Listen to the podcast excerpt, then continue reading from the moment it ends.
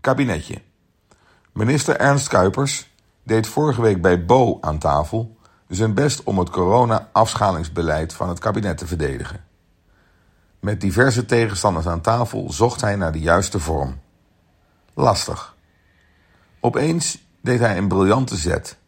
Hij nam het initiatief om aan tafel kabinetje te spelen. Hij gaf iedereen de pet van een minister of stakeholder. Iemand uit de horeca, iemand uit het onderwijs, van de zorg, iemand namens het Veiligheidsberaad, het OMT enzovoorts. Het rondje. Ieders individuele pleidooi was zonneklaar en stellig.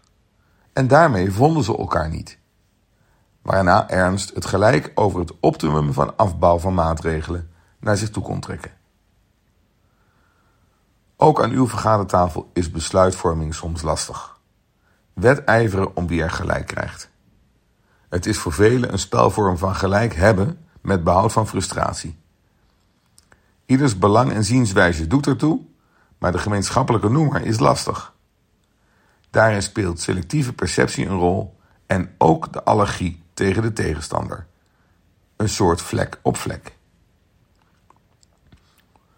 We kennen allemaal het fenomeen dat als je in een rode auto rijdt, je om je heen ook steeds maar meer rode auto's ziet.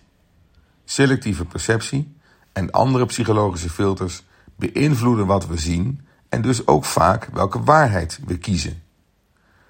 Daarmee zien we andere delen van de werkelijkheid niet. Vaak pleiten we aan onze tafels eerst stevig voor eigen parochie. En dat doen de anderen ook, net zo stevig aangezet. En hoewel de te overbruggen verschillen vaak in de kern helemaal niet zo groot zijn, is door het overdrijven het leed al geschied. De allergie die dat oproept, bevestigt het eigen gelijk. Zelfs bij het bespreken van no-brainers, zoals bijvoorbeeld inclusiviteit, worden we niet geholpen door de zogenaamde waarschuwers. Zij hebben met bijvoorbeeld woke of de zeven vinkjes van de witte heteroman standpunten een belangrijke vinger op de zere plek. Maar overdrijverigheid schiet dan al snel zijn doel voorbij. Notabene, ik heb ook nooit goed begrepen waarom er in openbare gebouwen genderneutrale toiletten zijn. Ik zie vooral hygiënische motieven. Maar goed, ook activisme kent dus een parochie. Al met al maakt die overdreven inbreng het moeilijk het juiste besluit te nemen, de juiste prioriteit te stellen. Hoe evident het optimum ook is. Samen is meer dan de som der delen, maar is tevens het moeilijkste werkwoord wat er is. De eerste stap naar gemeenschappelijke parochie is iets inleveren. Een deel van je gelijk.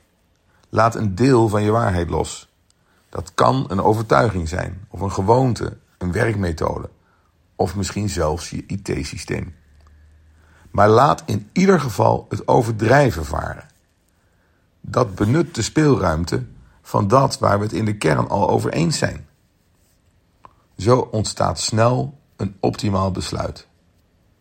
Geen compromis met wisselgeld en onderhandelen, maar het optimum.